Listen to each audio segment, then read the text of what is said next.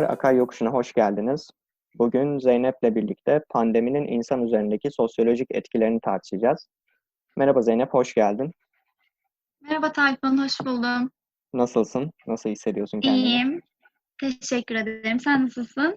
Teşekkür ederim, ben de iyiyim. Aslında biraz heyecanlıyım çünkü çok az fikrim olan bir konuda e, ama fazlaca da merakım olan bir konuda bilgi almaya çalışacağım. E, istersen sana sorularımı yöneltmeden önce biraz bu konuşmamızın ne üzerine olacağından bahsedeyim. Ee, içinde bulunduğumuz bu karantina ve salgın süreci tabii pek çok Hı hı. açıdan e, hepimizin hayatını etkiliyor ama bunun sosyolojik e, bakış açısıyla ele alınması çok az yapıldı şu ana kadar. Ve biz de biraz bunun üzerine gitmeye çalışacağız bugün Zeynep'le. Daha doğrusu ben soracağım, o bunun üzerine gidecek.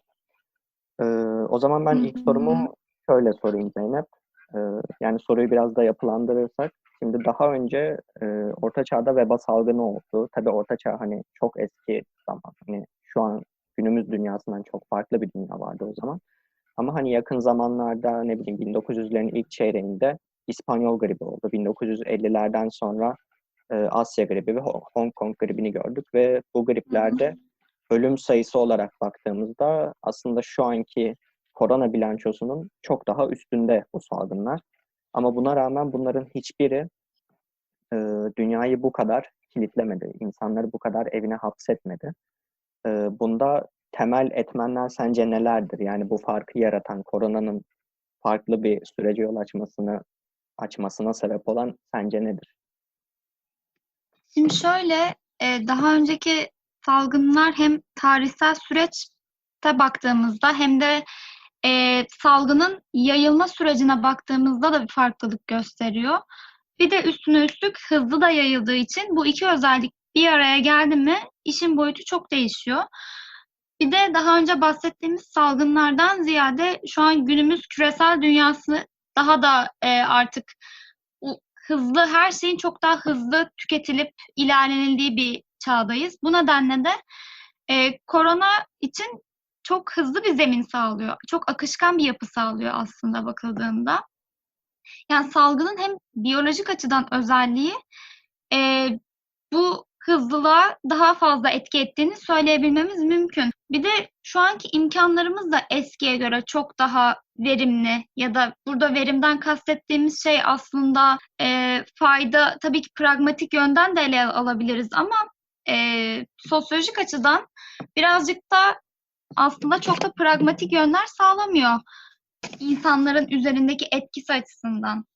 Çünkü oldukça hızlı ilerliyor, çok fazla yayılıyor. Hepimiz çok sosyal varlıklardık. Bu nedenle birdenbire böyle bir karantina süreci gitgide farklılığını kendince oluşturmaya başladı. Yani diğer salgınlardan yönü ayrılmasının sebeplerinden birisi de hem kendi özelliği hem de içinde bulunduğumuz çağ diyebiliriz aslında. Ee, peki o zaman e, şunu merak ediyorum. Sen de e, va- sosyal varlıklardık dedin. Aslında bu da hani bir değişimin e, sinyali gibi yani senin bakış açına göre. Ee, hani aslında çok fazla da duyuyoruz işte ne bileyim televizyonlarda olsun, köşe yazarlarında olsun. Ee, hani kendi günlük konuşmalarımızda bile bundan sonra hiçbir şeyin aynı olmayacağı görüşünün hakim olduğunu görüyoruz. Peki e, bu farklı olacak olan şeyler nelerdir? Ya da bu e, her şey farklı olacak bakışına e, nasıl bir yönden yaklaşmak gerekiyor sence? Evet, yani herkesin ağzında kesinlikle işte bundan sonra hiçbir şey eskisi gibi olmayacak. Her şey çok farklı olacak söylemlerini duyuyoruz. 7'den 70'e her meslek alanından herkes bunu dile getiriyor. Ama hani neler farklı olacak diye düşündüğümüzde tıkanıp kalıyoruz. Birçok şey tabii ki de değişecek. Hani hepimizin öngörüsü bu. Fakat burada birazcık da şu an normalleşme süreçlerine de değinmek istiyorum. Belki birazdan değiniriz bu sorunun ardından. Ee, evet çok fazla şey değişecek diyoruz. Değişim çünkü beraberinde belli başlı kolektif yapıyı da getiriyor. Zaten daha önce de az önce de belirttiğim gibi evet insan sosyal bir varlık diyoruz her seferinde. Şimdi hepimiz evlerimize kapandık ki e, herkesin evlerine kapanmadığını da görüyoruz. Burada e, üretim araçlarına sahip olanlar ve olmayanlar arasındaki ayrım yine aslında kendini gösterdi. Çoğunluk ne kadar karantina sürecinde olsa bile yine çalışmaya devam eden kesimler de oldu. Dolayısıyla neyi nasıl yapacağımız ve bu süreci ne şekilde nasıl ilerleteceğimiz aslında değişiminde bir parçası olacak. Yani aslında şöyle, insanlar birazcık bireyler kendilerinin farkına vardılar bu süreçte. Çünkü eski yaşantımız hani eski yeni ayrımı yapmak belki birazcık da e, şey kaçabilir. Belki kolaya kaçmak gibi olabilir ama karantina öncesi veya salgın öncesi diye belirtelim. Salgın öncesi yaşantımızda hepimizin bir koşuşturma hakimdi. Ertelediğimiz işlerimiz çok fazla oluyordu ve e, kendimizi unutuyorduk aslında. Kendi varlığımızın ya da bir birey olarak neleri yapabileceğimizin, becerilerimizin farkındalığını belki de unutmuştuk. Çünkü belli bir çarkın parçası da oluyorduk aynı zamanda. Yabancılaştığımız kesinlikle aşikardı. E, ve ben bunu hep dile getiririm aslında. Hani bireyin yabancılaşması, bireyin yabancılaşması. Bunu pek çok alanda, pek çok zaman diliminde farklı şekillerde görmek mümkün ama hep öz aynıydı. Bence şimdi bu yabancılaşma kavramı da artık e, yerini birazcık farklı yerlere de bırakacak ya da yanına yeni kavramlar da alacak. Çünkü bizi öyle bir süreç bekliyor. Yani önceden neydi? Kapitalizmin gelişmesiyle birlikte hepimiz belli başlı e, özelleşmeye ve iş bölümüne ayrıldık. Hepimiz uzmanlaşmaya gittik. Dolayısıyla dayanışmamız azaldı ve ne oldu? Birey kendi kendine kaldı. Göçler yaşandı, gitgide yalnızlıklar arttı ve yabancılaşma temel anlamıyla bu şekilde özetlenebilecek derecedeydi. Fakat şu an için birey eve geri döndü. İşte ailesi olan tekrardan ailesiyle birlikte iletişime geçmeye başladı. Daha uzun soluklu ya da e, yapabileceği becerilerinin farkına vardı. İşte hepimiz görüyoruz ekmek yapma e, ritüeli doğdu ya da ne bileyim herkes kendi saçını kendi kesmeye başladı vesaire. Buna daha sonra da değinebiliriz tabii ki de. Yani çeşitli meslek anlayışları bile bu noktada değişkenlik gösterebileceğini düşünüyorum ben. E, şimdi insan için sosyal bir varlık olduğunu söylüyoruz. Bence bireyler birazcık e, kendinin nasıl bir varlık olduğunu hatırladı diyebiliriz. Fakat e, bu da yani daimi bir süreç olduğunu da düşünmüyorum bunun. Evet neyin olduğunu yani kendimizin farkındalığına vardık. Yani nasıl bir insan olduğumuzun, yani daha doğrusu nasıl bir canlı olduğumuzun ayırdına varabildik. O alışkanlığımızı yıkıp. Fakat bu farkındalık da bana kalırsa bir noktadan sonra tekrardan rutinleşecek. Ee, insan yaşamında rutinleşme ne yazık ki olağan bir şey artık. Dolayısıyla bu farkındalık da bir noktadan sonra rutinleşecek. Yani aslında e, rutinleşme de zaten hepimizin yaşantısının bir parçası oluyor. Yani bir olağan yansıması aslında oluyor. Ee, yani anladığım kadarıyla diyorsun ki bu e, kapitalizmin etkisiyle makineleşen bir birey vardı ve bu birey artık hani mecburen de olsa kendi içine dönmek zorunda kaldığı için e, hani değişim aslında biraz buradan başladı ama bir süre sonra bu da rutine oturacak. Doğru mu anladım? Aynen öyle. Ee, Tabii ki bu süreçte hani eşit gitmiyor. Mesela Sorokin şöyle söyler, işte afetler ve salgınlar toplumdaki her birey veya her topluluk için eşit ilerlemediğini söyler bize. Bu bağlamda da yine çok boyutlu bir eşitsizlik gördük bence. Ülkeler evet. arasında da, toplumlar arasında da bu e, farklılığı aslında var olan eşitsizlik başka bir boyutta tekrardan inşa edildi. Anladım. Peki bunu e, birey seviyesine de indirmek mümkün mü? Yani aynı bakış açısıyla yaklaştığımızda hani bir bireyin diğer bireyle farklı uyum sağlama e, noktasında da aynı şekilde yaklaşabilir miyiz buna? Bence yaklaşılabilir çünkü bir kere bireyler olarak hepimizin karakteri, hayata bakış açısı, tavrı da eşit değil. Yani bunu aslında psikologlar çok daha doğru cevap verecektir. Ama elbette ya yani herkesin bu süreci yaşayışı farklılık gösterecektir diye düşünüyorum ben açıkçası. Anladım. Peki o zaman biraz da e, hani birey odaklı sorulardan çıkıp daha e, küresel odaklı bir soru sormak gerekirse hani e, bu salgın küresel çapta çok büyük etkilere yol açtı. Hani şu an dünya çapında üretimin çok büyük bir kısmı durdu. Bu da e, çok büyük bir ekonomik kriz beklentisi doğurdu aslında. E, bunun da uzun vadede sosyal ilişkilerimize yansıyacağını düşünüyor musun? Yani bu kısa vadeli etkiler dışında hani biz artık karantina süreci bitti. Hani okullarımıza, işlerimize artık neyse döndük ama hani bundan sonraki süreçte de farklı etkiler göreceğimizi düşünüyor musun? Evet, yani kesinlikle bir kere e, hepimizin bir beklediği ekonomik kriz söz konusu. Çünkü birçok iş yerleri kapandı ya da durduğu için yani para akışı illaki zarar gördü. Dolayısıyla ekonomik açıdan herkesin bir sıkıntıya gireceği, yani bu sırf bizim için de değil, bütün dünya için böyle bir küresel çaplı bir sorunla karşılaşa, karşılaşacağımız aşikar. Dolayısıyla bence birazcık e, mesleklerde de belli başlı çalkantılar ve değişim ile dönüşümler bence yaşanacak. Yani ben bu şekilde düşünüyorum.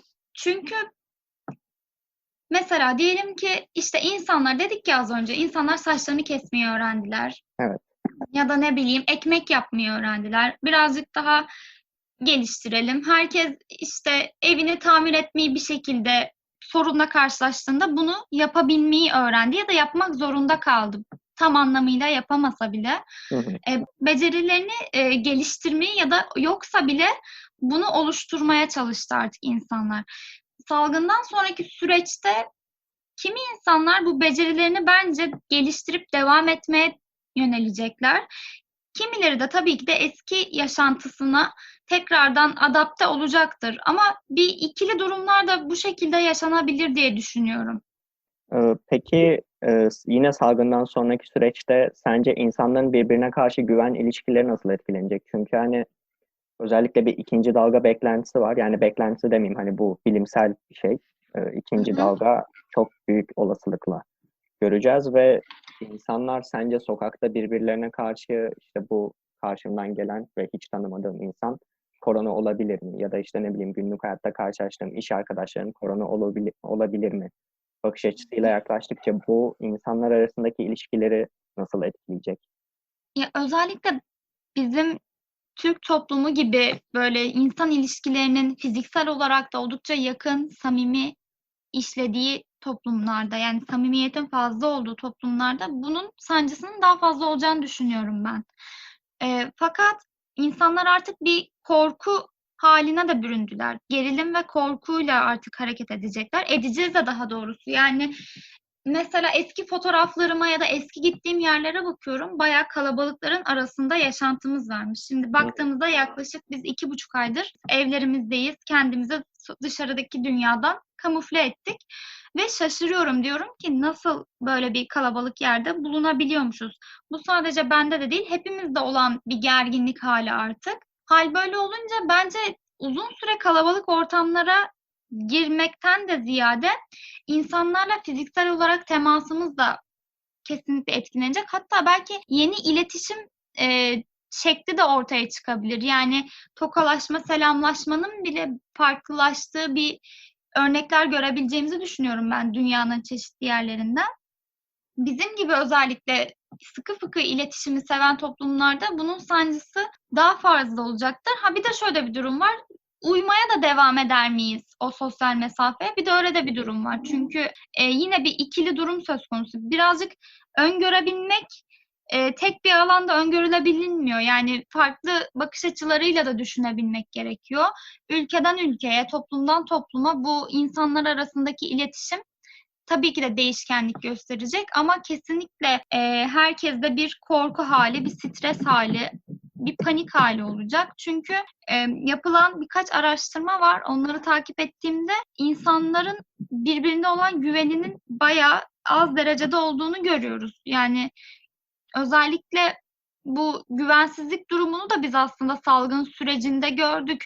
Özellikle Türkiye'de ilk sokağa çıkma yasağının olduğu günü hatırlayalım. O kadar çok yani tabii ki orada şey yasak haberinin geç verilmesi de sıkıntılıydı. Ama onun haricinde insanların sokağa akın etmeleri ve e, yaşanan o yani o arbede kesinlikle birbirine olan güvensizliği de aslında bize gösterdi. Burada güvensiz toplum aslında ideal bir tip olarak karşımıza çıkıyor bir bakıma. Peki Yine de tabii ki güvendiğimiz insanlar da arttı. Mesela belli başlı sağlık sektöründeki insanlara olan güven ve saygı çok fazla bir şekilde arttı tabii ki de bu süreçte. yani e, anladığım kadarıyla diyorsun ki bu hani saygı ve güven ilişkileri tamamıyla yeniden şekillenecek. Hani herkese karşı güvenimiz azalacak şeklinde değil. Belirli gruplara karşı güvenimiz azalırken belirli gruplara karşı güvenimiz artabilir. Yani tamamıyla bir yeniden şekillenme söz konusu olacak. Aynen, kesinlikle öyle.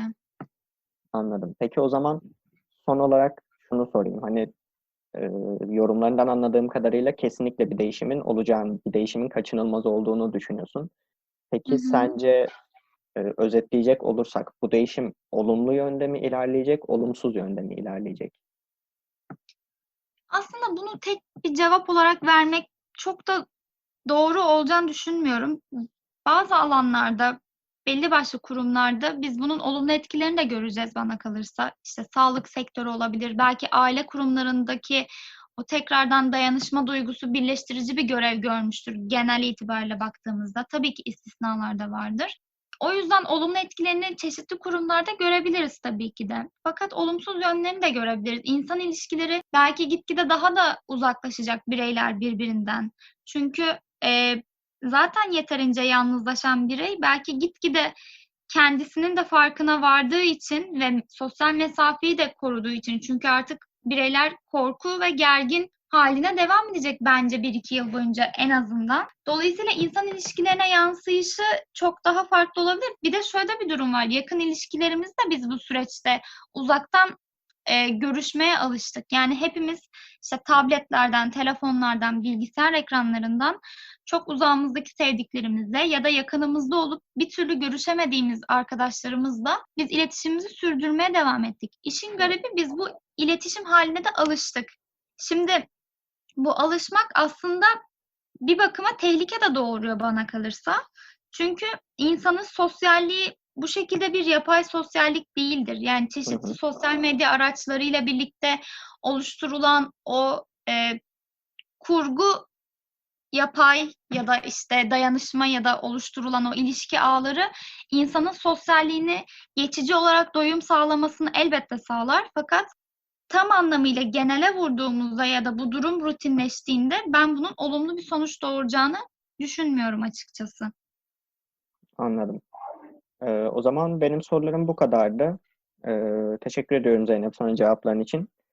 Ben Ee, teşekkür ederim. şöyle bir özetleyecek olursak, e, kısaca Zeynep dedi ki içinde olduğumuz süreç daha önce dünyanın yaşamamış olduğu bir süreç ve benzer ya da e, nitelik olarak temelde benzer salgınlar atlatmış olsak da bu salgını diğer salgınlardan ayıran en önemli unsur dünyanın bu kadar küreselleşmiş ve ülkeler arası akışın bu kadar belirgin e, bir şekilde olmuş olması ve bunun sonucu olarak da e, birey ve toplumlar çok farklı açılardan etkilenecek bu süreçten. Ve sonuç olarak da Zeynep bu sürecin sonuçlarının ağırlıklı olarak olumsuz e, görüleceğini düşünüyor sosyolojik açıdan insan ve toplum üzerinde. E, o zaman bizi dinleyenlere de teşekkür edelim. Sonraki bölümlerde görüşmek üzere. İyi günler.